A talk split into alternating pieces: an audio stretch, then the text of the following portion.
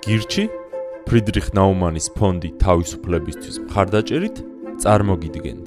მილტონ ფრიდმანის სატელევიზიო სერიების არჩევანის თავისუფლების თარგმანს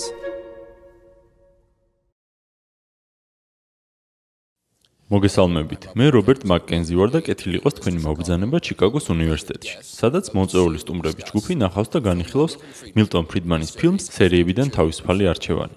ამ ფილმში ის განიხილავს კეთილდღეობის სისტემას შეერთებულ შტატებში. ამ ქვეყანას სხვების მსგავსად აქვს საგულდაგულოდ შერჩეული რიგი პროექტები, განკუთვნილი მათთვის, ვისაც დახმარება სჭირდება. აღწევენ თუ არა ისინი საკუთარ მიზანს. ეს არის შეკითხვა, რომელსაც მილტონ ფრიდმანი კითხულობს მის სატელევიზიო სერიებში არჩევანის თავისუფლება.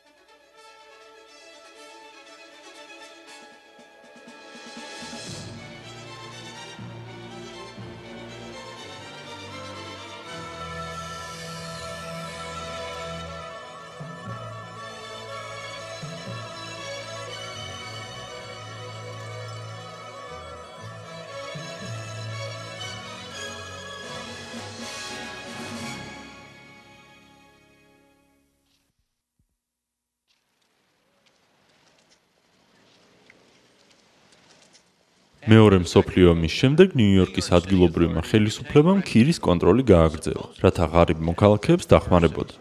განზრახვა კარგი იყო, შედეგად კი ეს ადგილი და ბრონქსი მივიღეთ. 50-იან წლებში იგივე ხელისუფლება ბრონქსის და უკაცრიელი ისთრივერის მოსახლეობას გადასახადებით ბეგრავდა. რათა საჯარო სახლების ეს პროექტი დაესუბსიდირებინა. კიდევ ერთი კარგ განზრახვიანი იდეა, რომლის შედეგიც ესაა: ღარიბების ფულით დაფინანსებული სახლები საშუალო ფენისთვის. როდესაც მთავრობა ქალაქში ან ფედერალურ დონეზე ხარჯავს ჩვენს ფულს, რათა ჩვენვე დაგვეხმაროს, უცნაური რაღაცები ხდება.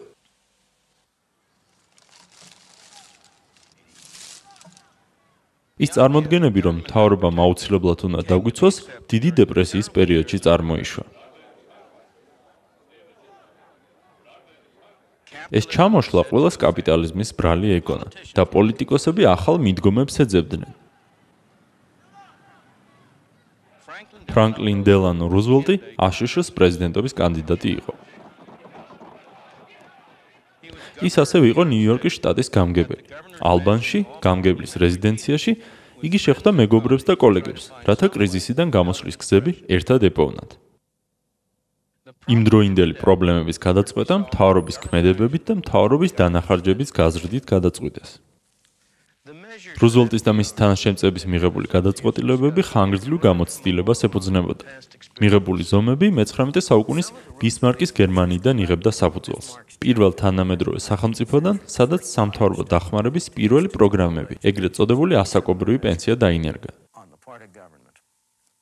20-იანი წლების დასაწყისში დიდი ბრიტანეთი ლოიდ ჯორჯის და ჩერჩილის დახმარებით იგივე გზას გაყვა და დააწესა ხანდაზმულობის პენსია და სხვა მსგავსი პროგრამები. თანამედროვე კეთილდღეობის სახელმწიფო სამწინამორბედებს ნაკლები ეფექტი ჰქონდათ შეერთებული შტატების პრაქტიკაში. მაგრამ ამან დიდი ეფექტი იქონია საუნივერსიტეტო ინტელექტუალებზე, ისეთებზე, რომლებიც აქ რუზველტთან ერთად იკრიბებოდნენ. აქ შეკრებილ ადამიანებს კრიზისის საშინელი შედეგები ნაკლებად შეეხო, მაგრამ ისინი დარწმუნებულები იყვნენ, რომ პრობლემის გადაჭრის გზა იცოდნენ.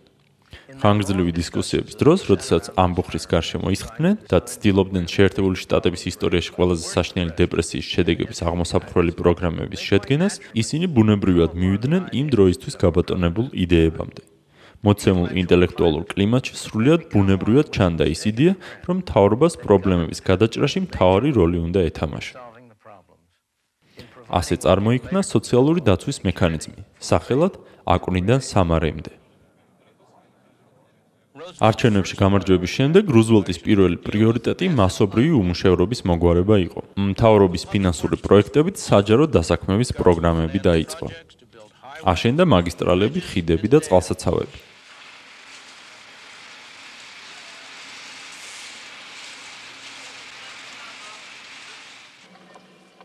ინდუსტრიის გამოსაცოცხლებლად ნაციონალური აღორძინების ადმინისტრაცია შექმნეს.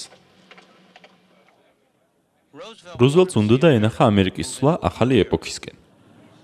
მიღებული იქნა სოციალური დაცვის აქტი და სხვა მსგავსი პროგრამები. უმუშევრობის შემწეობები, კეთილდღეობის დახმარებები და ჭარბი საკვების გადანაწილებები. ამ დანამატებს თან მოყვა წესები, რეგულაციები და წითელი ხაზები. ის კანონები, რომლებიც დღეს არ გვიკვირს, მაშინ სრულიად სიახლე იყო. სამთავრობო ბიუროკრატიამ ზრდა დაიწყო და მას მერე არ შეჩერებულა. ეს დღევანდელი სოციალური დაცვის იმპერიის მხოლოდ მცირე ნაწილია. მათ სათაო ოფისებს ბალტიმორში ამ ზომის 16 ოთახი აქვს. ყველა ეს ადამიანი დღეს ჩვენს ფულს არიგებს. ყველა მათგანი საუკეთესო განზრახვით მოქმედებს, მაგრამ რის საფასურად? ალბანიის შეხვედრიდან 50 წლის შემდეგ ჩვენ მივეცით ხელისუფლებას მეტი და მეტი კონტროლი ჩვენს ცხოვრებაზე და შემოსავლებზე. მარტო ნიუ-იორკის შტატში ამ სამთავრობო შენობებში 11000 ბიუროკრატი მართავს სამთავრობო პროგრამებს, რომლების შენახვაც ნიუ-იორკელ გადასახადის გადამხდელებს 22 მილიარდი დოლარი უჯდებათ. ფედერალურ დონეზე მხოლოდ ჯანმრთელობის, სწავლის და კეთილდღეობის დეპარტამენტს აქვს იმაზე დიდი ბიუჯეტი, ვიდრე სხვა დანარჩენ მთავრობებს მსოფლიოში, რუსეთის და შეერთებული შტატების გამოკლებით. თუმცა ხშირად ეს სამთავრობო პროგრამები არ ეხმარება იმ ადამიანებს, რომლებისთვისაც ისინი შეიქმნა. რიჩარდ ბრაუნის ქალიშვილს ჰალიმას მუდმივი სამედიცინო მეთვალყურეობა ესეჭიროება. მას საყლაპავის დეფექტი აქვს და ყოველ ღამე რათა არ დაიხჩოს, იგი აუცილებლად სასუნთ კაპარაძე უნდა იყოს მიერთებული. ეს ძვირიანი მკურნალობაა და შეიძლება ჩათვალოთ, რომ ეს ოჯახი სამედიცინო დახმარების გრანტს აუცილებლად უნდა იღებდეს. არა, არ გვაქვს ეგ გრანტი, რადგან არ გეკუთვნითო. მე ცოტა ფულს შოულობ და არ შემიძლია თავს როგორც მინდა ისე ცხოვრების უფლება მივიცე. და რამის დაზოგვაზე ხომ საუბარი ზედმეტია. ჩვენ ხელფასის დღიდან ხელფასის დღემდე ვცხოვრობთ, ფაქტიურად ესეა. მისტერ ბრაუნის პრობლემას ისიც ამძიმებს, რომ მან იცის, თუ ჰარლემის ჰოსპიტალში სანიტრად მუშაობას თავს დაანებებს, სამედიცინო დახმარების კრიტერიუმებში მარტივად ჩაჯდება და ფინანსურადაც უკეთ იქნება. ეს საკმაოდ ძიმე ტვირთია მისთვის, მაგრამ ის ამაყობს, რომ ძლიერია და შეუძლია ამ ტვირთს გაუძლოს. dilated, so I'm here to take you to the delivery room. Try not to push. Ბატონმა ბრაუნმა საკუთარი მწარე გამოცდილებით აღმოაჩინა, რომ კეთილდღეობის პროგრამები ინდივიდების დამოუკიდებლობას ანადგურებს. გვიფიქრია სოცდახმარების სისტემაზე. მისულები ვიყავით, რათა გვენახა გვეკუთვნოდა თუ არა დახმარება, მაგრამ მხოლოდ თვეში 5 დოლარიან დახმარების კატეგორიაში ჩაგვსვეს. ის 5 დოლარიც რომ მიგვეღო, ჩემი ვაჟისთვის გადანახული ანაბარი უნდა გამოგვეტანა ბანკიდან. მოკლედ არც ღირდა. მე არ მჯერა რომ რამეს მიღება შეიძლება არაფრის სანაცვლოდ. მე ვფიქრობ რომ ბევრ ადამიანს შეუძლია და უნდა კიდეც მუშაობა. მაგრამ ყველაფერი ასეა მოწყობილი. დედა და შვილები უკეთეს პირობებში ხვდებიან თუ мама არ მუშაობს ან თუ საერთოდ წასულია ოჯახიდან. ეს კი ძალიან ბევრი ღარიბი ოჯახის დანგრევის მიზეზი ხდება. უფრო სამწუხარო ფაქტი ის არის, რომ იმ ბავშვების უმრავლესობა, რომელთა მშობლების კეთილდღეობის დახმარების ქვეშ არიან, თავადაც გაებმებიან სოცდახმარების მახეში, როდესაც გაიზრდებიან. ნიუ-იორკში, ბრონქსში ამ საჯარო სახლებში შესახლებული ოჯახების 3/4 კეთილდღეობის ანაზღაურებას იღებს. მისტერ ბრაუნს ძალიან სწორი მიზეზით უნდა და ასეთი მდგომარეობისგან თავის არიდება. ხალხი, რომელიც იღებს კეთილდღეობის დახმარებას, კარგავს საკუთარი დამოუკიდებლობის და ღირსების შეგრძნებას.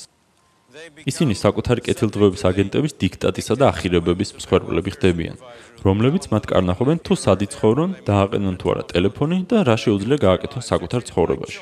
მათ ექცევიან როგორც პატარა ბავშვებს და არა როგორც ზრდასრულ ადამიანებს. და ისინი სისტემის ხაფანგში არიან. შესაძლებელია გამოჩნდეს სამსახური, რომელიც ბევრად უკეთესად გამოიყურება ვიდრე სოცდახმარებაზე ჯდომა, მაგრამ მათ შეეშინდებათ ამ სამსახურში მუშაობის დაწყება. იმიტომ რომ თუ ისინი რამე მიზეზის გამო დაკარგავენ ამ სამსახურს, კეთილდღეობის დახმარების პროგრამაში თავიდან მოსახვედრად 6-ან 9 თვე დასჭირდებათ. და შედეგად, დროებით სახელმწიფო დახმარების მაგივრად ვიღებთ მარადიულ ციკლს. ზოგან რაღაცეები კიდევ უფრო შორს წავიდა. ეს მანჩესტერში არსებული საჯარო დასახლების პროექტია.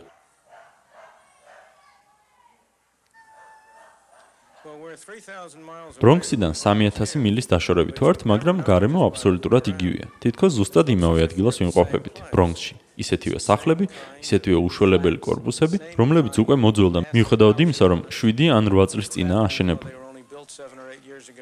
აქაც ნახავთ ვანდალიზმს, გრაფიტის, აქაც იგივე შეგრძნება, შეგრძნება იმ ხალხისა, რომლებსაც არც ენერგია აქვს და არც ხალისი, იმიტომ რომ ვიღაც ზრუნავს მათ ყოველდღიურ საჭიროებებზე. იმიტომ რომ სახელმწიფომ ამ ხალხს წაართვა მათი მოთხოვნილება, რომ სამსახური იპოვონ, რათა გახდნენ დამოუკიდებელი ადამიანები და რეალურად უშუალონ საკუთარ თავებს და ოჯახებს. ბოლო 7 წლის განმავლობაში მაურინ რემზი ოჯახისთვის საჭმელსა და ტანსაცმელს სამთავრობო დახმარებების ფულით ყიდულობს. ამ ხნის განმავლობაში მის ქმარ სტივს სამსახური არ ქონია. ყოველ კვირა ის იღებს ბრიტანული სოცდახმარების ჩეკებს. თავრობა ზრუნავს მასზე, მის ცოლსა და შვილებზე.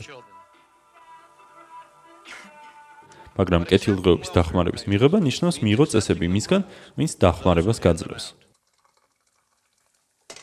ნებისმიერ შემთხვევაში შენ გრძნობ, რომ ისინი გისაკუთრებენ. ამას ხო ვერაფერს დაარქვე. თქვათ, ხვალ თუ სამსახურს ვიშოვნი, რადგან მეტი შემოსავალი მჭირდება, უნდა მივიდე სოციალურ საქმეთა სააგენტოში და ეს განვაცხადო, რადგან ვერ ვიმუშავებ იმის შიშით, რომ აი ახლა დამადგება სოციალური მუშაკი და დახმარებას წამართმევს მეთქი. ეს ისევ უიმედობას გმატებს შენ, რადგან სისტემას ვერ შეებრძოლები. დღეს მარტო ისეთ სამსახურს იპოვე, სადაც კვირაში 45 ფუნტს იძლევიან. სოციალური დახმარების პროგრამებითაც დაახლოებით ამდენი გამოდის. თან უფრო სანდოა, ასე რომ აზრი არ აქვს. რა თქმა უნდა, ის სავსებით მართალია, როცა ამბობს, რომ დღეს სამსახურის პოვნა არ უღირს. მაგრამ ეს მისი ბრალი არაა. მე მას არ ვადანაშაულებ, რადგან ის საკუთარი და ოჯახის ინტერესებისთვის გონივრულად და ჭკვიანურად იქცევა. ეს არის სისტემის ბრალი, რომელიც მას სამსახურის პოვნის мотиваციას აკარგვინებს. მაგრამ თქვათ, იმდენად სასტიკი ხარ, რომ კეთილდღეობის დახმარების სისტემა ერთ ღამეში გააოქმე. რა მოხდება ამით? ის სამსახურს იშოვის. როგორ სამსახურს? არ ვიცი. შეიძლება სულაც არ იყოს სასიამოვნო ან მიმზიდველი სამსახური. But at some way მაგრამ რაღაც დონის ანაზღაურებიან სამუშაოს აუცილებლად იპოვის. ისეთ შეიძლება მოხდეს, რომ ის რომელიმე კერძო საქველმოქმედო პროგრამაში ჩაერთოს, უფასო სადილი მიიღოს ან რამე მსგავსი. კიდევ ერთხელ, მე არ ვიძახი, რომ ეს სასურველი ან სასიამოვნოა. ეს ასე არაა. მაგრამ ფაქტი ისაა, რომ თუ მას ასეთ მდგომარეობაში ჩავაყენებთ, ის საკუთარი თავისთვის და ოჯახისთვის ცხოვრების რაიმე გზას გამონახავდა. ამერიკის მთავრობა ცდილობს სოციალურზრუნველყოფის מחე გაარღვიოს. ეს ხალხი უმშევარი იყო. ახლა მათ გადასახადების გადამხდელთა ფულით ხელობას ასწავლიან. ამან ისინი შეიძლება ნამდვილ სამსახურამდეც მიიყვანოს. სახეზე გვაქვს ნაციონალური კეთილდღეობის ფართო სისტემა, რომელიც სრულიად ეწინააღმდეგება იმ პრინციპებს, რაზეც ამერიკა დგას, რადგან ამერიკა დაფუძნებული იყო სამუშაო ეთიკაზე. პრაქტიკაშიც ამას ვეფუძნებოდით და ამან აჩვენა, რომ ეს არ არის ის, რაც ჩვენ გვინდა. რათა ამერიკაში ყოველს კონდეს სამსახურის შენარჩუნების შესაძლებლობა. ამ პროგრამაში ჩართულებმა აქ 8 საათი უნდა გაატარონ, რათა აქ ყოფნა ნამდვილ სამსახურს დაემსგავსოს. ჩვენ ვამბობთ, რომ სამსახური ამერიკული ცხოვრების გზაა. ჩვენ უნდა დავეხმაროთ მათ სამსახურის პოვნაში, რათა ნამცხვრის ნაჭერი მათაც შეხვდეთ და გადასახადების გადამხდელები გახდნენ. ამით ისინი ამერიკული ოცნების ნაწილები ხდებიან. მაგრამ ოცნება არ მუშაობს. ასეთ პროგრამებს, თავრობის მიერ დაორგანიზებულ სწავლებისა და ტრენინგის პროგრამებს, იგივე სიტას, ბევრი სტაჟიორი ტოვებს. მათი უმეტესობა კი ვინც მას ამთავრებს, ისევ სოციალურზრუნველყოფის პროგრამაში ბრუნდება. ჯანმრთელობის განათლების და სოცდახმარების დეპარტამენტის თანამშრომლები, ისინი ვინც სიტას პროგრამებს მართავენ, ბეჯითი ხალხია. მათი მოტივები კარგია. მაგრამ მიღწევები არა. ამ პროგრამას უიმედო შედეგები ჰქონდა. რატომ? მე მჯერა რომ ამის ძირითადი მიზეზი ისაა რომ ცუდი მეთოდებით კარგი შედეგების მიღწევა ძალიან რთულია. და ჩვენ მიერ გამოყენებული მეთოდები ორი მიზეზითაა ცუდი. პირველი ისაა რომ ყველა ამ პროგრამაში ადამიანების ერთი ჯგუფი ხარჯავს მეორე ჯგუფის ფულს იმ მიზნებისთვის, რომელიც მესამე ჯგუფის მიერაა ჩამოყალიბებული და შემუშავებული. არავინ ხარჯავს ხის ფულს ისევე ფრთხილად, როგორც საკუთარ ფულს დახარჯავდა. არავინ მუშაობს ისე თავდადებით, როდესაც ხის მიზნებს ემსახურება, როგორც საკუთარი მიზნებისთვის იმუშავებდა. მეტიც ამ პროგრამებს იმ ხალხის მორალზე, ვინც მათ ადმინისტრირებას უწევს და ასევე ვინც ამ პროგრამებით ვითომ უნდა სარგებლობდეს მათ მორალზეც, შეფარულად დამანგრეველი ეფექტი აქვს. ბიუროკრატებს ეს პროგრამები თითქმის ღვთაებრივ ძალაუფლებას აგრძნობინებს. ხოლო იმ ხალხს კი, ვინც ამით უნდა სარგებლობდეს, ბავშვური დამოკიდებულების შეგრძნება შთააგონებს. პერსონალური გადაწყვეტილების მიღების მათი უნარი ატროფირდება. შედეგად გვაქვს პროგრამის მიერ გაფლანგული ფული. ვერ მიიღწევა ვერც ის მიზანი, რომლისთვისაც პროგრამა იყო შექმნილი, მაგრამ უფრო სავალალოა, რომ ამით იღწნება ის საფუძველი, რომელზეც მთელი ჩვენი საზოგადოება დგას.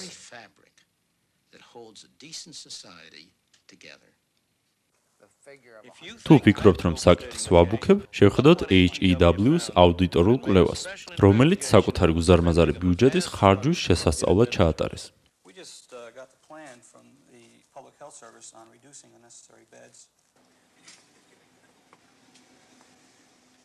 ჩანაწერების ამ ხვეულებში, სადაც ყველა გადარიცხვა და ყველა ტრანზაქცია ასახული, აღმოჩენილი იქნა 7.5 მილიარდი დოლარის გაფლანგვის ფაქტები. რომლებიც მოგრთამვით, თაღლითობითა და არასწორი განკარგვით ერთი წლის მანძილზე დაიკარგა.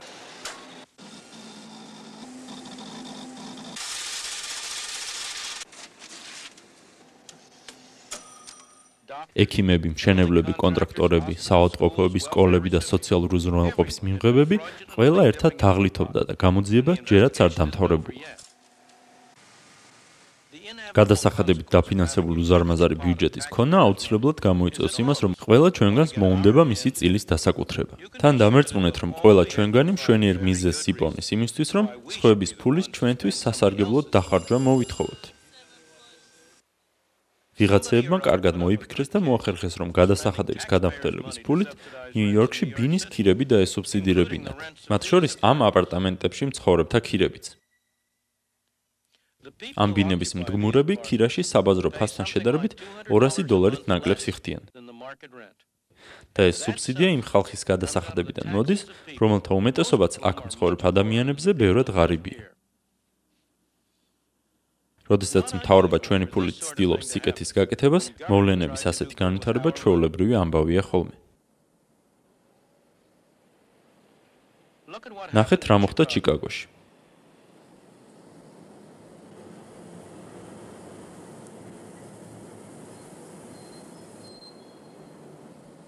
ვიზიტორებისთვის ერთი შეხედვით ეს მდიდარი აყვავებული ქალაქია.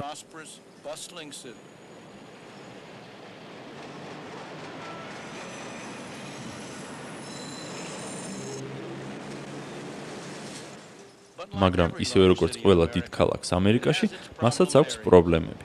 გადაჭედილი მიყრუებული ადგილები, სიღარიბე და კრიმინალი.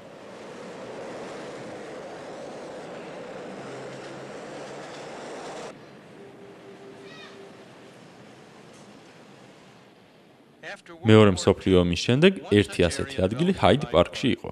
50-იანებში გადაწყდა, რომ შენობები ამ მიყრუებულ ადგილას დაენგრიათ და ქალაქის აღორძინების პროგრამის ფარგლებში ახლები აეშენებინათ სახელმწიფოს დაფინანსებით. ეს უნდა ყოფილიყო საჩვენებელი პროექტი. თუ როგორ იცვლებოდა ჩამორჩენილი რაიონი ინტეგრირებული კომუნით. ვინ აკონტროლებდა სამთავრობო ფულის ხარჯვას. ეს იყო ჩიკაგოს უნივერსიტეტი, სადაც მე ვსწავლობდი, რომლის არსებობასაც ქალაქში არსებული კრიმინალის დონე უკვე საფრთხეს უქმნიდა. სამთავრობო ფული გამოყენებული იქნა, რათა დაენგრიათ ის რაიონი, სადაც უამრავი პატარა მაღაზია და ღარიბი ოჯახი იყო. ამის შემდეგ კერძო ინვესტირებით ეს რაიონი თავიდან აშენდა. მაღაზიებით და საშუალო კლასის საცხოვრებელი სახლებით. ბარაკები ამ ადგილას კი გაქრა, მაგრამ ისინი სადმე სხვაგან აღმოცენდა. ხშირად, როდესაც მთავრობის დიდი ფული იხარჯება, რესურსები იქით არ მიიმართება, საითაც განზრახული იყო ხალხის დასახმარებლად და სხვადასხვა მიზნების მისაღწევად. მიზეზი ისაა, რომ სამთავრობო გრანტებმა სახელმწიფო ბიუროკრატია უნდა გამოყვებოს.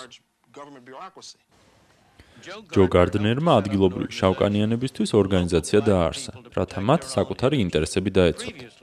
ადრე შავკანიანები ამისთვის ქუჩაში გამოდიოდნენ. ახლა კი ყველაფერი მშვიდობიანი გზით ხდება სამთავრობო დაფინანსების ხარჯზე. როდესაც ეს გრანტები ხელმისაწვდომი შეიქმნა, ისინი უძლოვნის ორგანიზაციამ ჩაიგდო ხელში და ისეთი სახლების აშენებისთვის გამოიყენა, რომლებიც თავად მოსწონდათ. ასეთი დაბალსართულიანი სახლების. არქიტექტორებმა და ბიუროკრატებმა პროტესტი გამოთქვეს. მხოლოდ მაღალსართულიანი корпуსების შენება ეკონომიკურად გამართლებულია. ისინი ცდებოდნენ. ბევრ ადამიანს აქვს ეს მცდარი წარმოდგენა, რომ ჩვენნაირი ხალხის პრობლემების მოსაგვარებლად გარედან მოსული პროფესიონალია საჭირო. ჩვენ კი ვთვლით, რომ ეს აბსურდია, რადგან იმ ვითომ პროფესიონალმა არ იცის თუ რას გრძნობს სოცდახმარებაზე მცხოვრები 6 შვილის დედა, რომელიც თვეში 100 დოლარით საზრდოობს და ნანგრევებში ცხოვრობს. ბიუროკრატებისგან განსხვავებით, ამ ქალს მართლა შეუძლია საკუთარი პრობლემებიდან გამოსავალი იპოვოს.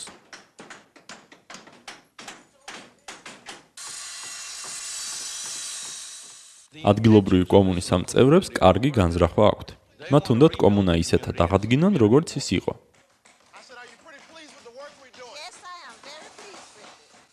მაგრამ სამთავრობო ფული ყოველთვის რყუნის ხალხს. ნახეთ, რამდენი მუშა ახვევია ამ გარაჟის აღდგენას. უაზროდ ბევრი არა? მაგრამ ეს გადასახადების ფულით დაფინანსებული სიტას მუშახელია. სამთავრობო გრანტებმა ამ ორგანიზაციას ჩიკაგოს მთელ რაიონზე მისცა ძალაუფლება. ეს მათი პირადი სუპერმარკეტია.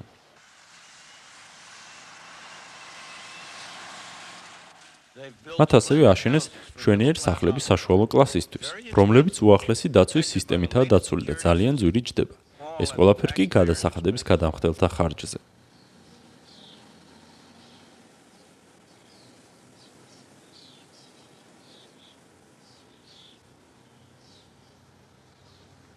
რაღაც გაგებით TWO პატარა მთავრობა და ციკცე. დაახლოებით 400-მდე თანამშრომელი ყავს. წლიური ბიუჯეტი კი სადღაც 5 მილიონს შეადგენს. დიდი ორგანიზაცია ვართ. დიდიც და ზრდადიც. მათი შემდეგი ნაბიჯი ამ სივრცის განაშენიანება. და ეს მხოლოდ პირველი ნაბიჯია იმ 20 წლიანი გეგმისა, რომელიც დაახლოებით 220 მილიონი დოლარი დაჯდება. ეს ფული კი გადასახადების გადამხდელების ჯიბიდან წავა. სამხრეთ ბრონქშიც კარგად იცნობენ თავრობის მზრუნველ ხელს. აქ ქირის კონტროლის პროგრამა გასაქიროებელი ბინების შენახვა ეკონომიკურად არამონგებიანი გახადა. ბინის მფლობელები წავიდნენ, ვანდალები კი მოვიდნენ. სამხრეთ ბრონქსი ის ადგილია, სადაც ხალხის უმეტესობა სოც უზრუნველყოფაზეა, ხოლო კრიმინალი ყვავის, მაგრამ ეს ყველაფერი შეიძლება შეიცვალოს.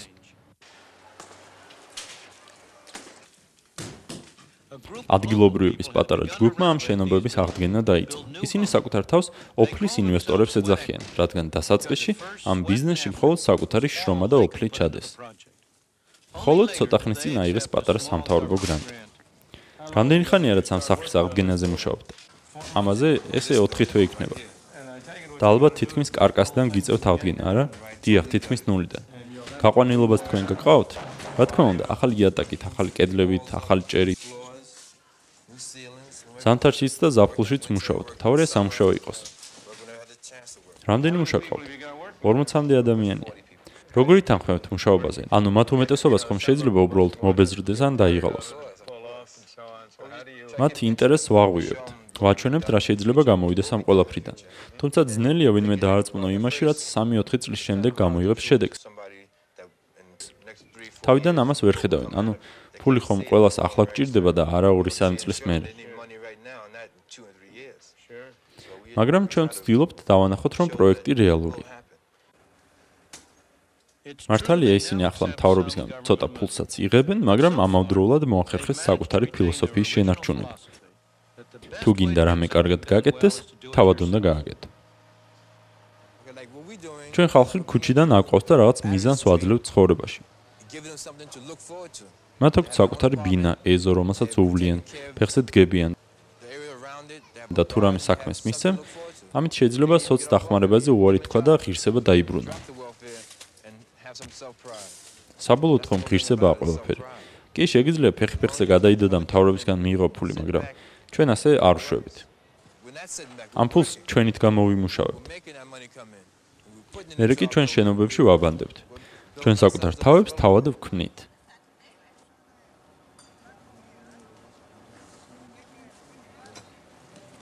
ამ მუშებიდან ზოგი სიტას მუშახელია, გადასახადების ფულით დაფინანსებული, მაგრამ მათი წვლილი მინიმალურია. არჩევანი რომ გქონდეთ, სიტას მუშას დაიხმარებდით თუ იმპულს აიღებდით, რასაც ამ მუშებს უხდიან. რა თქმა უნდა, ფული უმჯობესი იქნებოდა. ხედავთ, სიტას დახმარება ძალიან ძვირადღირებულია. იგივე ფული ამ ხალხს რომ მისცეთ, ორჯერ, სამჯერ მეტ მოშახელს დაიქირავებდა. ასე არა? მართალი ბრძანდებით. ანუ ფული ძალიან არაეფექტურად იხარჯება, მაგრამ პრობლემა ისაა, რომ სამთავრობო ბიუროკრატებს უნდათ რომ რაღაც გადაწყვეტილებებს თავად იღებდნენ და არა თქვენ გეკითხებოდნენ რა როგორ ჯობია. როგორ გონიათ ეს ადგილი თავის დროზე როგორ აშენდა? როდესაც ეს რაიონი პირველად ჩამოყალიბდა, საკმაოდ რესპექტაბელური, თვითკმარი ადგილი იყო. და ეს არ მოხდა სამთავრობო პროგრამის ფარგლებში.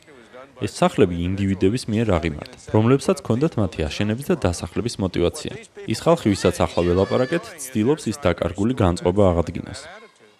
აქ ბევრად ჯანსაღ საზოგადოებას მივიღებთ, თუ ის დაეფუძნება ისეთ ადამიანებს, რომლებსაც საკუთარი ცხოვრების მოწყობა თავად უნდათ და არა საჯარო სფეროს ბიუროკრატების პატერნალისტურ, თავსმოხელულ გადაწყვეტილებებს, რომლებსაც ხალხის ცხოვრების დიდი ნაწილის გაკონტროლება სურთ.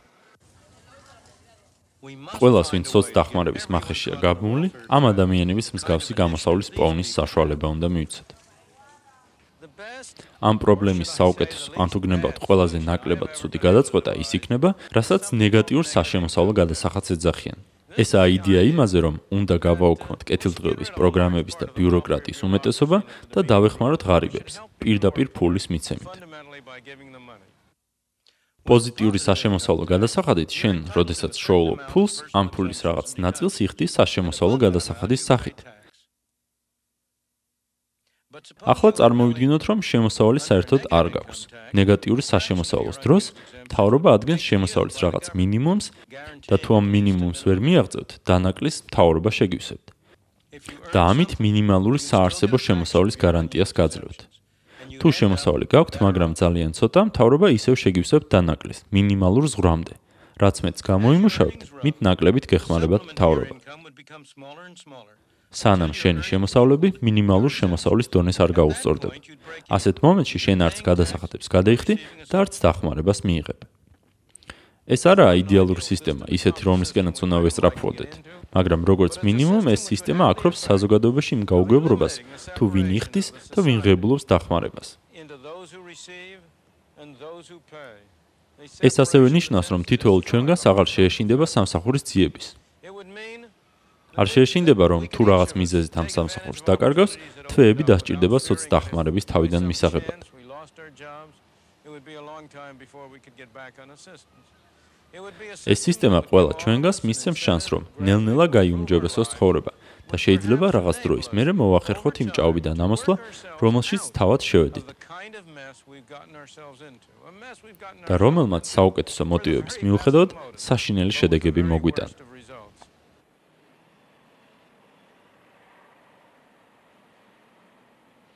ჩვენ მეტად და მეტად დამოკიდებულები ხვდებით თავრობაზე. ჩვენ ჩვენი თავისუფლება დაუთმეთ მას. ძალით არავის წაურთმევია. ჩვენი ნებით ვქენით. შედეგად მივიღეთ უზარმაზარი ბიუჯეტი, რომლის უმეტესობაც იფლანგება და მხოლოდ ცოტა ნაწილი მიდის იმ ადამიანებამდე, ვის დახმარებასაც ვისურვებდით. ძიმე გადასახადები, მაღალი ინფლაცია, კეთილდღეობის პროგრამები, რომლებიც არც იმათ აკმაყოფილებს, ვინც მათში ფულს იხდის და არც იმათ, ვინც დახმარებას იღებს. სხვისი ფულით სიკეთის კეთება არ მუშაობს. simply has not worked.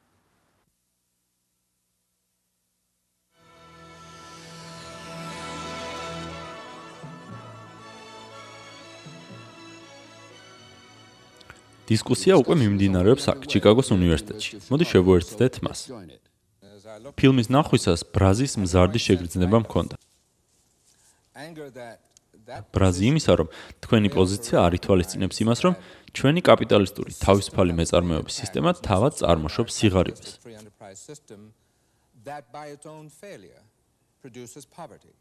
ამიტომ საჭიროებს სამთავრობო ჩარევას.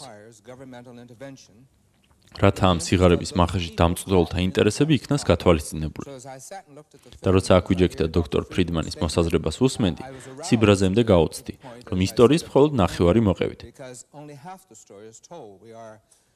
თქვენ მსხვერპლს ამ შემთხვევაში სოციალურზრუნველყოფის სისტემას ადანაშაულებთ იმ პრობლემებში, რაც სხვა სისტემებმა განიცადეს ხალხთა ინტერესებთან მიმართებაში. მოდი მოვისმინოთ სხვა მოსაზრებებიც ფრიდმანის ამ სიტყვებთან დაკავშირებით. სხვისი ფულით სიკეთის კეთება არ მუშაობს, სოცკეთილდღეობის სისტემა საზოგადოების საფუძველს რყვნისო. თომას სოუელ ჩემი რეაქცია კი საპირისპირო იყო. ჩემი ბრაზი გამოიწვია იმან თუ რა დამართეს იმ ქალაქს, სადაც მე გავიზარდე. ძალიან ძიმე მდგომარეობა. ეგრეთ წოდებული კაპიტალიზმის მარცხის პერიოდის დროს, იმ პერიოდში, როდესაც თვითონ ჰუმანიტარიანიზმი არ არსებობდა, ხალხს შეეძლო საკუთარი ცხოვრების გაუმჯობესება და სიღარიბიდან ამოსვლა. და ვფიქრობ, რომ ახლა იმ ხალხისთვის, ვინც იმავე ადგილას ცხოვრობს, სადაც მე გავიზარდე, სიღარიბიდან ამოსვლა ბევრად გართულებულია. როდესაც მე ვიზრდებოდი ჰარლემში, შენობები ასეთ მიტოვებული არ იყო. არც კრიმინალი იყო. ყველა ეს პრობლემა, რაც წინა სისტემას აბრალებთ, არ არსებობდა. ჰარლემში სახანძრო კიბეებზე მძინები. დღეს ამას ნიუ-იორკში ვერცერთ უბანში ვერ გაბედავთ. ტრადიციულად შეერთებულ შტატებში ჩვენ ცადეთ თავი აგვერიდებინა სოციალურზრუნველყოფის პროგრამების ზოგიერთი მახისთვის. ამისთვის შრომის უნარიან და პროდუქტიული ასაკის ადამიანებს პროგრამებში ჩართვაზე უარს ვეუბნებოდით. ამით ვცდილობდით სოციალურზრუნველყოფის კარი ჩაგვეკეტა ღარიბი ფენის გარკვეული კატეგორიის წარმომადგენლებისთვის.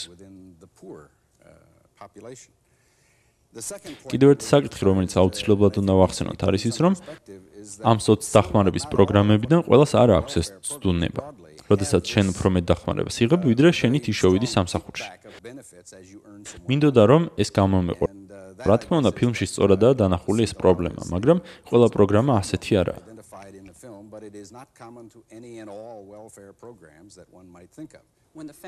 როდესაც ოჯახი მარცხს განიცდის, როდესაც კერძო სექტორი მარცხს განიცდის და ვერ ქმნის საკმარისი რაოდენობით სამუშაო ადგილებს სწრაფად, თქვენ აღმოაჩენთ, რომ ხალხი უმშევარია და არსებობისთვის დახმარება სჭირდება და სოციალური უზრუნველყოფის სისტემა 30-იან წლებში ზუსტად ამ მიზნით შეიქმნა. როდესაც კერძო სექტორი ფაქტობრივად განიცდის მარცხს, ჩვენ უნდა განვავითაროთ სოციალურზრუნველყოფის სისტემა.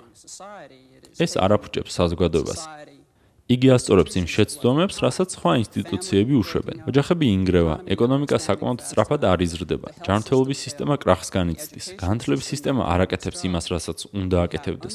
ჩვენ ყავს უცოდინარი გამოუცდელი ხალხი, რომლებიც ეძებენ სამსახურებს მაღალტექნოლოგიურ საზოგადოებაში.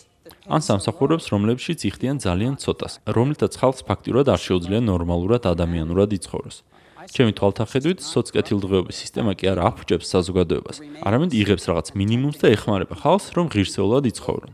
ანუ არავინ ეთანხმება იმ ფრაზას, რომ ეს სისტემა საზოგადოების საფუძველს რყნის, იქნებ თქვენ მაინც. მე აბსოლუტურად ვეთანხმები. თქვენ საუბრობთ საზოგადოების სხვადასხვა ნაწილების მარცხებზე. არადა სოციალური უზრუნველყოფა და სხვა სახის სამთავრობო პროგრამები ხალხს წარუმატებლობაში უხდიან ფულს. სანამ წარუმატებელი ხარ, ფულს გაძლევენ. თუ კი ოდნავ წარმატებას მაინც მიაღწევ, დახმარება ავტომატურად ქრება. განათლების სისტემაშიც იგივე ხდება. იმ სკოლებს, რომლებსაც დაბალი რეიტინგი აქვთ, მეტად აფინანსებენ. როგორც კი სკოლაში სწავლა უმჯობესდება, ფული აქაც ქრება. თუმცა თქვენ ადამიანების პირად ცხოვრებაში წარუმატებლობას ასუბსიდირებთ და მათ თქვენს ჩეკებზე დამოკიდებულს ხდით. დღეს არსებობს ცხოვრების და სამუშაოს ხარისხის გარკვეული მოლოდინები. ისევე როგორც მოლოდინები შემოსავალზე და ეს მოლოდინები აქვს ხალხს. რატომ? იმიტომ რომ გარშემო ვიხედებით და ვხედავთ როგორია ნორმალური ცხოვრების დონე. მე რე სწორი გონიათ ეგ? მე შეიძლება მქონდეს რაღაც სახის მოლოდინები და რა ვქნა ამის გამო? ვიღაც რომ ასუბსიდირებდეს ჩემ მოლოდინებს, ჩემი მოლოდინები ბევრად მაღალი იქნებოდა. როდესაც წლების წინ მოწინავე კვლევის ცენტრი ასუბსიდირებდა ჩემს მოლოდინებს, მე UCLA-ში ნორმალური პროფესიის ხელფასზე უარი ვთქვა. რატომ უნდა მემუშაო პროფესორად? როცა შემეძლო მოწინავე კვლევების ცენტრში საათების მოვალეობების და კლასების გარეშე ყოფილიყავი. მოდით შევხედოთ მილტონის სხვა წინადადებას. იმ ადამიანებზე, ვინც იღებს სოციალური უზრუნველყოფის დახმარებას, ამას აქვს ძლიერი ეფექტი. ისინი კარგავენ საკუთარ ადამიანურ დამოუკიდებლობას და ღირსებას. მათ ბავშვებივით ეპრობიან. არის თუ არა ეს დიდი საფრთხე რეალური? ეს არანაირი საფრთხე არაა. თქვენ ნაკეთებთ დაშვებას, რომ ხალხი ერთვება სოცდახმარების პროგრამაში, რჩება ამ პროგრამაში და მე ის პრობლემა წამოიჭრება, რაც ფრიდმანმა ფილმში ახსენა. არადა ასე არაა. ფაქტი ისაა, რომ მთელი ქვეყნის მასშტაბით AFDC-ის პროგრამებში, განსაკუთრებით კი ნიუ-იორკში, მუდმივი ცვლილება ხდება. მათი მესამედი ყოველ წელს ტოვებს პროგრამას.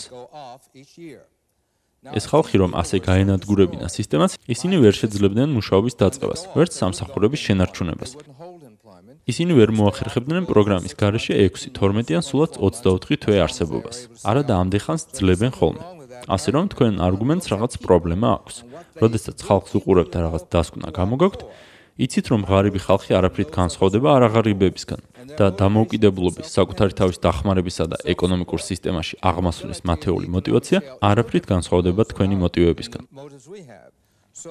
ეს ხალხი ნებას არ მისცემს სისტემას, რომ ალბათ გახსოვთ დოქტორო ფრიდმან. ის სოციალური უზრუნველყოფის ორგანიზაციები, რომლებიც სისტემის უხეშ ჩარევებს შეეწინააღმდეგნენ და პოლიტიკა თავის სასიკეთოდ შემოაბრუნეს.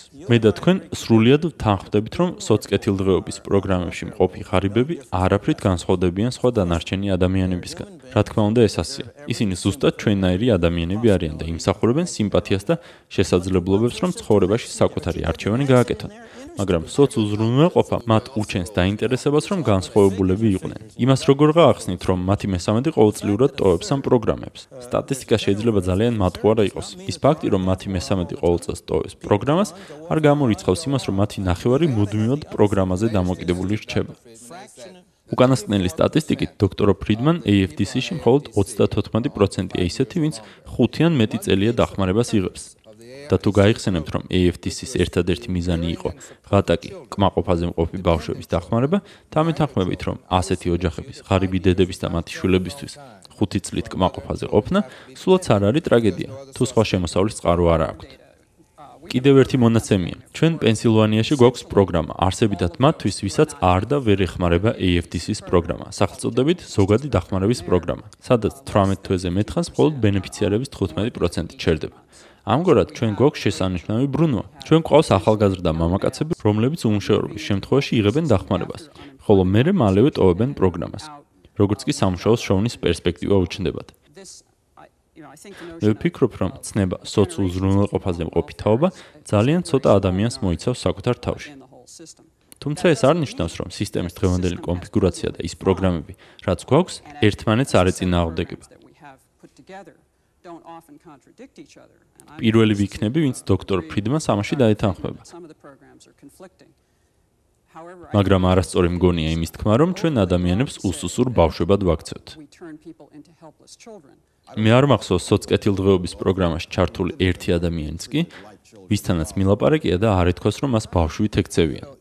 იმიტომ რომ თქვენ უნდა დაინახოთ განსხვავება ხალხის დასახმარებლად შექმნილ სისტემასა და იმ ადამიანების შორის, ვინც ამ სისტემაშია დასაქმებული.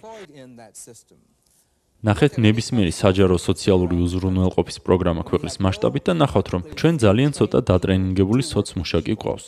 ჩვენ სამსახურში ვიყვანთ ცუდად გაწვრთნილ ადამიანებთან კომუნიკაციის არ მცოდნე ხალხს და მათ სოციმუშაკებს ვეძახით. არანაირი სოციმუშაკები ისინი არ არიან. მათ არ აქვთ არც სწორი უნარები, არც ქცევის ნორმები და არც სწორი დამოკიდებულება. ანუ ჩვენ უნდა განვასხვაოთ ერთის მხრივ სისტემა, ის ჩარჩო, რომელიც შეიქმნა ადამიანების დასახმარებლად და მეორეს მხრივ ის თუ რას ვდებთ ჩვენ როგორც ქვეყანა ან საზოგადოება ამ სისტემაში. ანუ იმედები რეალობისგან განვაცალკეოთ? არა, განვაცალკეოთ ის კვალიფიკაცია, რაც არსებობს იმ მიზნისგან, რაც პროგრამას აქვს. უნდა ჩამოყალიბდეთ პროგრამის მიზნებზე ვსაუბრობ თუ პროგრამის მეთოდებზე. პირველი მე გეტყვით რომ ჩემ დაქვემდებარებაში მყოფ სისტემას იმ მიზნებისთვის რომელიც შევქმენით ცუდად მომზადებული კადრები ყავდა მაგრამ იგივეს არ ვიტყოდი იმ სისტემაზე რომელიც შევქმენით მე ვესაუბრე სოცდახმარების პროგრამაში მომუშავე ხალხს რომლებიც აღიარებენ რომ იმდენად დიდი ზიანის მომტანია ეს პროგრამები რომ ვერაფერს შველიან ამ პროგრამებზე დამოკიდებულ ხალხს და ვერ წყვეტენ ამ დახმარებებს. ის ხალხი ვერ იძენს უნარჩვევებს ვერ შოულობს სამსახურს ვერაფერს რაც სოცდახმარებიდან თავს დააღწევინებს ჩვენ стереოტიპულად წარმოიდგენთ სისტემას, რომელიც ინდივიდების პირად ცხოვრებაში პატერნალისტურად ერევა. არადა სინამდვილეში თითოს სოციმუშაკზე იმდენი ბენეფიციარი მოდის, რომ ყველა მათგანის პირად ცხოვრებაში ფიზიკურად ვერ ჩავერევით, რომც გვინდოდეს. მეტიც ბოლო დეკადაში AFDC-ის ცოცხ დახმარების ამ ხაფანგის შესუსტების მცდელობაც იყო. ამისთვის შეამცირეს ბენეფიციარების სისტემაში დაბრუნების რიცხვი და დაიწყეს სხვადასხვა დანახარჯების ადმინისტრირება. რათა მათთვის, ვისაც მუშაობის დაწყება უნდა და ამის შანსი მიგვეცა. ანუ სურათი არც ისეთი საშინელია, როგორც ხატავთ. თითქოს ბოროტის სოცმუშაკი ოჯახში უზის ყველა ბენეფიციარს და მათ მაგივრად იღებს გადაწყვეტილებებს. ჯერ არ მინახავს, რომ რომელიმე სამთავრობო პროგრამას მარცხი განეცადოს და ამ პროგრამის მართულებს არ ეთქვათ, რომ აი ჩვენ რომ მეტი ფული ქონოდა, მეტი რომ ჩაგვესხა ყველაფერი გამოვიდოდაო. მოდი გადავიდეთ სიტუაციის გამოსწორების თქვენეულ მეთოდებზე, რომელიც ფილმში შემოგთავაზეთ. კარგი თემაა განხილვისთვის. მათგან ყველაზე რადიკალური იყო, როდესაც თქვით, რომ თუ თქვათ ულმობლად მოიქცევით და უმუშევარ სოცდახმარებას გავუქმეთ, ის აუცილებლად მოძებნის რაიმე სამსახურს. შეიძლება ვინმეს ქველმოქმედებასაც მიეკედლოს, მაგრამ რამე სამსახურს აუცილებლად იშოვისო. მოდით, სანამ მილტონი გაშლის ამ თემას, თქვენ აზრს მოვისმენ. დამაჯერებლად გეჩვენებათ ეს განცხადება. მან შეიძლება იშონოს სამსახური, თუმცა ეს იქნება სამსახურის ჭრდილოვან ეკონომიკაში. ეს ის ადგილია, სადაც ჩვენი ახალგაზრდების ნაწილი დღეს მუშაობს. ეს ის სფეროებია, რომლებიც კანონის ფარგლებს ცდება. დამოუკიდებლად ცხოვრებისთვის მათ მხოლოდ ამ სფეროში ექნებათ შესაძლებლობები. მე ვფიქრობ, რომ კიდევ ერთი საკითხი ისაა, რომ ჩვენ ყავს ადამიანების ჯგუფი, მარტოხელა ქალი ოჯახის უფროსები და ხვალ რომ მათ საყოველთაო დახმარება გავუქმოთ, რის გაკეთებას შეძლებენ ისინი ამის საპასუხოდ. რა საფასურის გადახდა მოუწევთ მათ საკუთარი პატარა ბავშვების ხარჯზე. დიახ, მათ ეკნებათ სამსახური. ფაქტობრივად სტატისტიკა აჩვენებს, რომ ქალები ბევრად წარმატებული არიან დასაქმების პროგრამებში, მაგრამ მის შვილებს დღის მანძილზე ვინმე ხომ უნდა მიხედოს, არა? ხოდა ან მოუწევს იმდენი ფული იშოვნოს, რომ კერძო ძიძა დაიქრაოს, რაც ძალიან ძვირია? ან მოუწევს, რომ ციტირებ, ამ ფედერალური მთავრობის მიერ შექმნილი საშინელი სისტემისგან და მისი პროგრამებისგან, რომლებიც მას უმუშევრობის მახეში აბამენ, სუბსიდიები მიიღოს. ადამიანების უფრო პროდუქტიულად გახდომის საინტერესო გზა აგირჩევიათ. საინტერესოა როგორ დაიწყეთ და განავითარეთ ისტორია. თითქოს არსებობდეს წინასწარ განსაზღვრული სიღატაკე, წინასწარ განსაზღვრული უმუშევრობა და სოცკეთილდღეობის სისტემა სამაში რაიმე წვლილი არ მიუძღოდეს. ყოველთვის არსებობს მოსახლეობის ქვედა 20%. მაგაში გეთახმებით, ყოველთვის იარსებებს მოსახლეობის რაღაც რაოდენობა, რომლებიც დანარჩენზე ღარიბია. მაგრამ საწერია, რომ ეს 20% მთავრობის ხარჯზე და მთავრობის მიერ მართულად უნდა ცხოვრობდეს. თქვენ ახსენეთ მარტოხელა დედები და მათი უმეტესობა თინეიჯერი დედები არიან. არა და არ არსებობს თინეიჯერებში ფეხმძიმეობის წინასწარ განსაზღვრული რაოდენობა. მე იმ დროში გავიზარდე, როდესაც განსაკუთრებით შავკანიანები ბევრად ღარიბები იყვნენ. ბევრად დისკრიმინირებულებიც, მაგრამ თინეიჯერთა ორსულობა დღევანდელზე ბევრად დაბალი იყო. არ მჯერა რომ არსებობს ორსული თინეიჯერების და უმამო ოჯახების წინასწარ განსაზღვრული რაოდენობა. კვლევებმა აჩვენა რომ შეხედულება რომ შავკანიანთა ოჯახი ყოველთვის იშლება ნონსენსია და ეს ტენდენცია 1925 წლიდან დაიწყო. იქამდე შავკანიანთა ოჯახები ძალიან იშვიათად ინგრეოდა. დღეს კი სახეზე გვაქვს ეს გამოუვალი მდგომარეობა. რომლის გამოსწორებაც ვითომ სოციალურ კეთილდღეობის სისტემას უნდა, არა და პირიქით აუარესებს. this inevitable tragedy which the welfare system says it's going to rush in to solve but which it is itself a ჩვენ ხომ ძალიან პატარა ჯგუფზე ვსაუბრობთ ოჯახების მხოლოდ 12%-ია განცალკევებული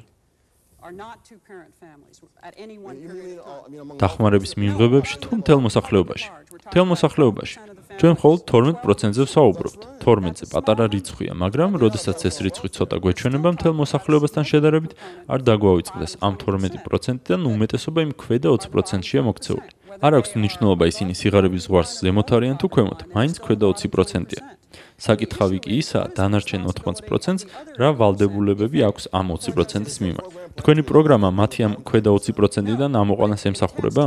არა, ის ცდილობს ეს 20% ამოწიოს. არა და იმაში ეხმარებით, რომ მეტი უკანონო შვილი ყავდეთ და უმუშევრები დარჩნენ. მე მათ უკანონო შვილების გაჩენაში არ ვეხმარებ, იმედია ხვდებით ამას. არა, მაგრამ თქვენ ასუბსიდირებთ მათ ასეთ ქცევას. ჩვენ ადამიანებს არ გვაქვს პროაქტიული პასუხისმგებლობა, მაგრამ იმედი მაქვს, რომ იმ ქვედა 20%-ის მიმართ თანაგრძნობა გვაქვს. და და გიმეორებთ, რომ მე-19 საუკუნეში კაპიტალისტურმა თავისუფალი მეწარმეობის სისტემამ ამ თანაგრძნობის გამოხატვას ბევრად უკეთ გაართვა თავი, ვიდრე ამას დღევანდელი სოცდახმარების სამთავრობო სისტემა აკეთებს. მე-19 საუკუნეში, რომელსაც ხალხი ველური კაპიტალიზმის ხანას უწოდებს, ქველმოქმედების მსოფლიოში ყველაზე მაღალი მაჩვენებელი ჰქონდა. სწორედ ამ ხრივ ვაკრიტიკებს სოცდახმარების პროგრამას ყველაზე ძლიერად. მან გაანადგურა კერძო საქველმოქმედო სფერო, რომელიც ბევრად ეფექტური და თანამგრძნობი იყო იმ ადამიანების მიმართ, რომლებიც საკუთარი თუ სხვა გარეშე მიზეზების გამო არახელსაყრელ მდგომარეობაში აღმოჩნდნენ. ვერ დაგეთანხმებით, რადგან მე-19 საუკუნეში კერძო საკუთრების გაგებიდან, არსიდან საზოგადოების მთელი სეგმენტები გამოირიცხა. ამიტომ თქვენ ადგილას მე-19 საუკუნეს სამაგალითო პერიოდად ნამდვილად არ მოვიყვანთ.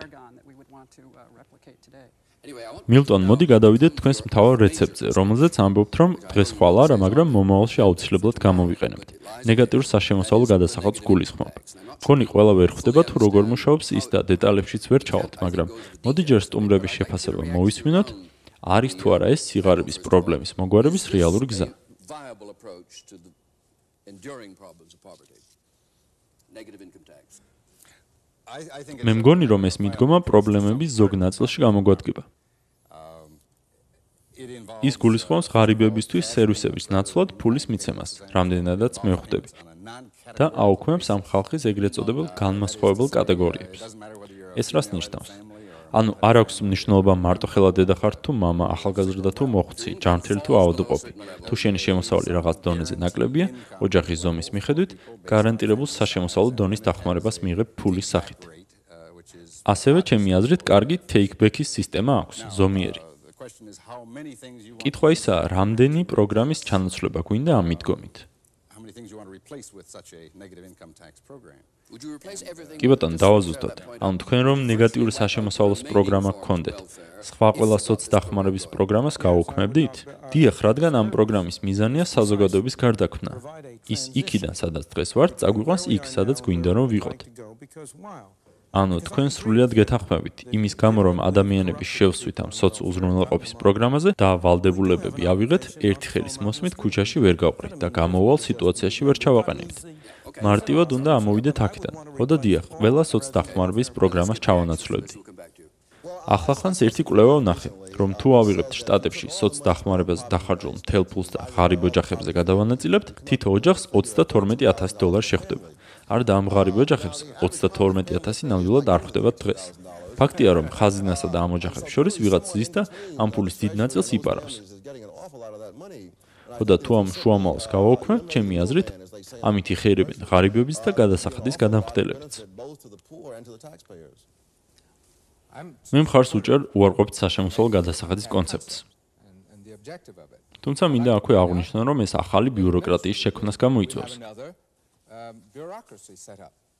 ვინმე მხოლოდ უნდა აღრიცხოს ამ ოჯახების შემოსავლები, ვინმე უნდა დათვალოს ვის რამდენი ეკუთვნის. ასევე გვექნება დაყოვნება იმის შორის, თუ როდის დაითვლება თქვენი შემოსავლები და დახმარებას როდის მიიღებთ. ამ სახეზეა უამრავი პრობლემა, რომელზეც მე სიამოვნებით ვიმუშავებდი, მაგრამ უნდა ვიცოდე, რომ თავრობის ინტერვენციები არ გაუქმდება. ჩემთვის პრობლემა ისაა თუ რა მოვათ ბავშვებს, რა უფლებები ექნებათ მათ ნეგატიური საშემოსავლოს პირობებში. ანუ ამ ნეგატიური საშემოსავლო პროგრამის დაფუძნებით ხომ არ წავახალისებთ იმ უკანონო შობადობას, რომელზეც ტომ სოუელი საუბრობდა. ერთადერთი მიზეზი, რის გამოც ვერ ხერხდება, რომ ნეგატიური საშემოსავლო გადასახადზე დღესვე გადავიდეთ, არის ის, რომ სოცდახმარების ბიუროკრატია უმუშევარი დარჩება. ამ პროგრამას ბიუროკრატია ეწინააღმდეგება. როგორც აწ უკვე სენატორმა პეტ მოინჰემმა ნიქსონის პროგრამის შესახებ საკუთარ წიგნში გვაჩვენა, ამ პროგრამის მთავარი წინააღმდეგობა სოცუზრუნველყოფის ბიუროკრატია. ხოდა მჯერა რომ თუ ამ იდეას გავიტანთ, ის ადმინისტრაციული პრობლემები მოგვარდება. კიდევ ერთი დაშვება, რომელიც მე მაწუხებს ნეგატიურ საშემოსავლო გადასახადთან მიმართებაში არის ის, რომ თითქოს ყველამ ვიცით თუ როგორ დავხარჯოთ ფული.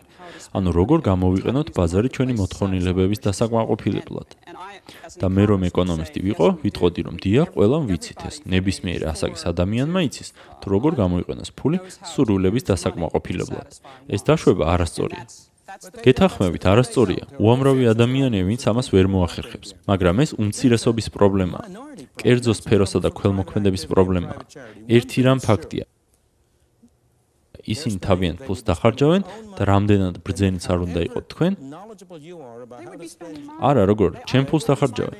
დიახ, ჩემ ფულსაც დახარჯავენ, მაგრამ ეს ბევრად ნაკლები ბოროტება იქნება. იმასთან შედარებით, როცა დღეს სოციალური მუშაკი ვიღაც პეტრეს ფულს ხარჯავს ვინმე პავლესთვის და ამ ტრანზაქციისას დიდი ნაწილი სადღაც ქრება, როგორც ტომ სოუელმა თქვა. საკითხი ის კი არაა დაბლშემოსავლიანი ხალხი ამ ფულს რამდენად ეფექტურად დახარჯავს, არამედ ის თუ რამდენად ეფექტური იქნება მათ მიერ ფულის ხარჯვა დღევანდელი ბიუროკრატიის მიერ მათ სანაცვლოდ ფულის ხარჯვასთან შედარებით. რაიმეს რამე იდეალურთან შედარება არაფერს მოგცემს. ეს სიმართლეა განათლების სისტემისთვისაც. ოპონენტები კითხულობენ, მოახერხებენ კი მშობლები ვაუჩერული სისტემის ქვეშ თავიანთი შვილებისთვის კარგი სკოლის შერჩევასო. არადა იმას უნდა ვკითხულობდეთ, შეიძლება კი მათი არჩევანი უფრო ცუდი იყოს, ვიდრე კორუმპირებული ბიუროკრატის არჩევანი დღევანდელ საჯარო განათლების სისტემაში. то მინდა ის საკითხი გავშალო, სადაც ახსენე რომ ფულის ნახევარი ღარიბებამდე არ მიდისო. არ მინდა მაყურებელმა იფიქროს, თითქოს მთელი ეს ფული ადმინისტრირებაში იხარჯება. ამ ფულის დიდი ნაწილი შეძლებულ ბენეფიციარებთან მიდის. მაგალითად, სოციალური უსაფრთხოების პროგრამა თავის ბიუჯეტის ნახევარს უხდის იმ ხალხს, ვისაც ნამდვილად არ უჭირს. უმშევრობის პროგრამაც ასე ხარჯავს თავის ბიუჯეტის 2/3-ს, არა ღარიბებს. არა და ეს პროგრამები სიღარიბის დაძლევის პროგრამებია. აქედან მიიღეს სტატისტიკოსებმა ის საშინელი პროპორცია ქვეყანაში დახარჯულ სოციალურ ფულსა და ღარიბებამდე მისულ ფულს შორის. ფიქრობ სწორი არგუმენტი თქვით, მაგრამ სოციო საფრთხეების და უმუშევრობის დახმარების პროგრამები შეძლებულებისთვის ხომ არ შექმნილა. ამით მივიდივართ ფილოსოფიურ საკითხამდე. ალბათ საკითხის მეტისმეტად გამარტივება იქნება იმის თქმა, რომ ყველა ეს პროგრამა, მათ შორის საჯარო სკოლებიც, იმისთვისაა, რომ მხოლოდ და მხოლოდ ღარიბებს დავეხმაროთ. თუმცა ნეგატიურ საშემოსავლო გადასახადს აქვს თავისი პლუსი. მისი დახმარებით შეუძლებთ საშემოსავლო ბენეფიტებით მოსარგებლეთა რიცხვი შევზღუდოთ. მარტო ღარიბებს დავეხმაროთ და გავუუქმოთ იმ ადამიანებს, რომლებსაც ახლა მოლოდინი აქვთ, რომ ამ დახმარებას მიიღებენ ოღონდ არა როგორც საჯარო დახმარების ფორმით, არამედ როგორც ეგრეთ წოდებული სოციალური უსაფრთხოების ფორმით. შეიძლება ერთი თაობის იმედები გავაცროთ, მაგრამ გრძელვადიან პერსპექტივაში ეს ხელს შეუწყობს ფენებს შორის მობილობას. სხვა რა დაბრკოლებები შეგვხდება ამ გზაზე. არ ვიცი რამდენად სერიოზულად, მაგრამ თქვენ თქვით, რომ ერთადერთი დაბრკოლება საყოველთაო უზრუნველყოფის ბიუროკრატიაა. არა, ასევე არსებობს უდიდესი პირდაპირი ლობისტების ჯგუფები, რომლებიც ლობირებენ ამის წინააღმდეგ. ამ მომენტში უდიდესი დაბრკოლება ისაა, რომ შეუძლებელია შეიმუშაოთ აზრიანი ნეგატიური საშემოსავლო სისტემა, რომელიც არავის ინტერესებს არ დააზიანებს. აუცილებლად იქნება ხალხი განსაკუთრებით მაღალშემოსავლიან ჯგუფებში, ვინც დღევანდელთან შედარებით ნაკლებ დახმარებას მიიღებს. იმ შეძლებულებზე ვსაუბრობ, რომლებსაც ახლა ვასუბსიდირებთ. ეს ჯგუფი პოლიტიკურად გაართულებს ამ პროგრამის მიღებას. შეუძლებელია შეიმუშაოთ ისეთი პროგრამა, რომელიც თან უფრო იაფიც იქნება, თან უფრო ადვილად სამართავიც და ამასთან ერთად დღევანდელი ბენეფიციარებიდან ყველა ზუსტად იმდენს მიიღებს, რამდენსაც დღეს იღებს. მაგრამ მიუხედავად იმისა, რომ დღეს ეს პოლიტიკურად არამონგებიანია, ისტორია თავისას იზამს და მალე ეს პროგრამა პოლიტიკურად მონგებიანი გახდება. მოდი არ შევქმნათ ისეთი შტაბეჭდილება, თითქოს სოც უზრუნველყოფის თანამშრომლები ამ იდეის წინააღმდეგ გამოდიან და სამსახურების დაკარგვის ეშინიათ, როგორც ამას მონიჰანი ამტკიცებს. ჩვენი უმეტესობა მას მისი გარკვეული მახასიათებლების გამო ეწინააღმდეგება. მაგალითად ჩვენ ვეწინააღმდეგებოდით 4 წულიანი ოჯახისთვის 2400 დოლარიან ზღვარს. და თუ თქვენ ნახავთ კონგრესის ჩანაწერებს, ყველა ჩვენგანი ამბობს, რომ დიახ, იდეის დონეზე მოგწონს და თუ აი ამას და აი ამას გამოსწორებთ, ხარს დაგიჭერთ. მეც მასეთ სიტუაციაში ვარ. 25 წლის წინ პირველად მე შემოგთავაზეთ ნეგატიური საშემოსავლოს იდეა. მაგრამ ნიქსონის გეგმის საბოლოო ვერსიას მხარი არ დაუჭირა. რატომ? იმიტომ რომ სოცდახმარების ბიუროკრატებმა ის იმდენად შეაცვლევინეს, რომ დამაკმაყოფილებელი ნეგატიური საშემოსავლო გადასახადის მაგივრად მივიღებდით ისეთივე ცუდ პროგრამას, როგორც ახლაც უამრავი გვაქვს. ზემოდან დაემატებოდა. ეს პოლიტიკური რეალობა. დიახ, პოლიტიკური რეალობა, მაგრამ ის იცვლება ხოლმე და ეს მნიშვნელოვანია. კიდევ ერთი რამ, რაც მინდა დავამატო ამ თემას, რომელსაც ჩვენ განვიხილავთ, და ეს ეხება ბობ ლემპმენის კომენტარს. ერთადერთი რამ შეიძლება კეთილდღეობის პროგრამის სასარგებლო თქვა, მიუხედავად იმისა, რომ ისაც ძალიან არ მომწონს. ეს არის ჩემთვის ცნობილი ერთადერთი სოციალური პროგრამა, რომელიც უფრო მეტ ფულს აძლევს დაბალშემოსავლიან ფენას, ვიდრე შეძლებულ ფენას. ყველა სხვა სოციალური პროგრამით მეტი ფული მიდის მასთან, ვინც უკეთ ცხოვრობს. ღარიბებისგან აკრეფილი გადასახადებით შეძლებულებს ვასუბსიდირებთ. ჩვენ მაღალშემოსავლიანი კლასი ძალიან ეშმაკურად ვახერხებთ, რომ საცოდავი ქვედა კლასის ხარჯზე შვენიერ ბიუროკრატიულ ხელფასებს ვინიშნავთ და ჩვენს ბენეფიტებს ვაფინანსებინებთ. სოციალური კეთილდღეობის პროგრამა ერთადერთია, რომელიც ამას არ აკეთებს. ძალიან დარწმუნებით თქვით, რომ ნეგატიური საშემოსავლოს გადახდის დრო მოვაო, თუმცა ხედავთ, რამდენი წინაღობა აქვს. რატომ ხართ ასეთი დარწმუნებული? იმიტომ რომ არსებული სისტემა საკუთარი თავის განადგურების არაერთ მარცვალს შეიცავს. არ შეიძლება რომ ამ სისტემამ, რომელიც ციხეს გავს, მეტი და მეტი სოციალური პრობლემა არ შექმნას. იგი მალევე გახდება შესაძლებელი და ნეგატიურ საშემოსავლოზე უკეთესი ალტერნატივა ჯერ არავის შემოუთავაზებია. რამდენადაც ვიცი, უფრო ეფექტური ალტერნატივა არავის აქვს. მას უარყოფენ, მერე ისე უბრუნდებიან, უარყოფენ, ისე უბრუნდებიან. და ბოლო შეკითხვა. შესაძლებელია კი რომ ჩვენსავით თანამედროვე ინდუსტრიული დემოკრატიის სისტემა მუშაობდეს კარგად გათვლილი სოციალური დახმარების პროგრამების გარეშე. მე არ ვფიქრობ, რომ ეს შესაძლებელია. ვფიქრობ, რომ სოციალური უზრუნველყოფის პროგრამები ასახავს საზოგადოების ღირებულებებს. წინააღმდეგ შემთხვევაში ეს აქამდე გამოიწვევდა აჯანყებას. არსებობს უკმაყოფილობები მის ღირებულებასთან დაკავშირებით და მე ვფიქრობ, რომ ეს აქტიურად მზარდი ინფლაციის ბრალია, რომელიც აუფასურებს საშუალო კლასის გადასახადების გადამხდელის შემოსავალს. რაღაც მხრივ შეიძლება ჩვენს გვინდოდეს, რომ მოსახლეობაზე ეს ყოველდღიური ზრუნვა შევწყვიტოთ და ჩვენ ტექნოლოგიურ თანამედროვე საზოგადოებაში მთავრობის მიერ შემუშავებული გადასახადების სისტემა ერთადერთი სიცოცხლის უნარიანი ალტერნატივაა.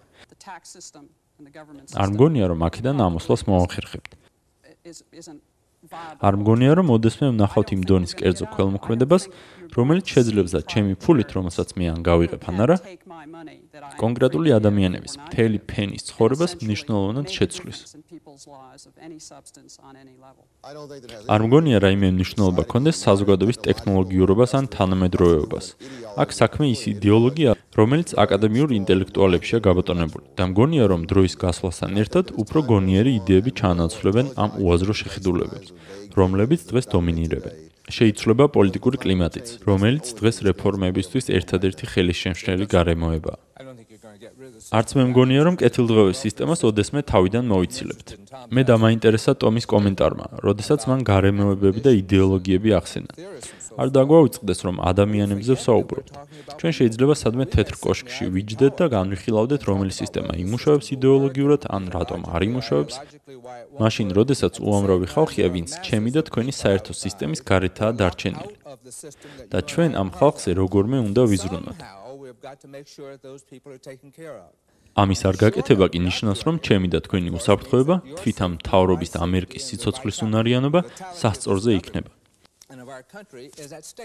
როდესაც გაფიცვები იყო, ნიუ-იორკის მერმა მკითხა, რა მოხდებოდა თუ გაფიცულებს არ დავაკმაყოფილებდით.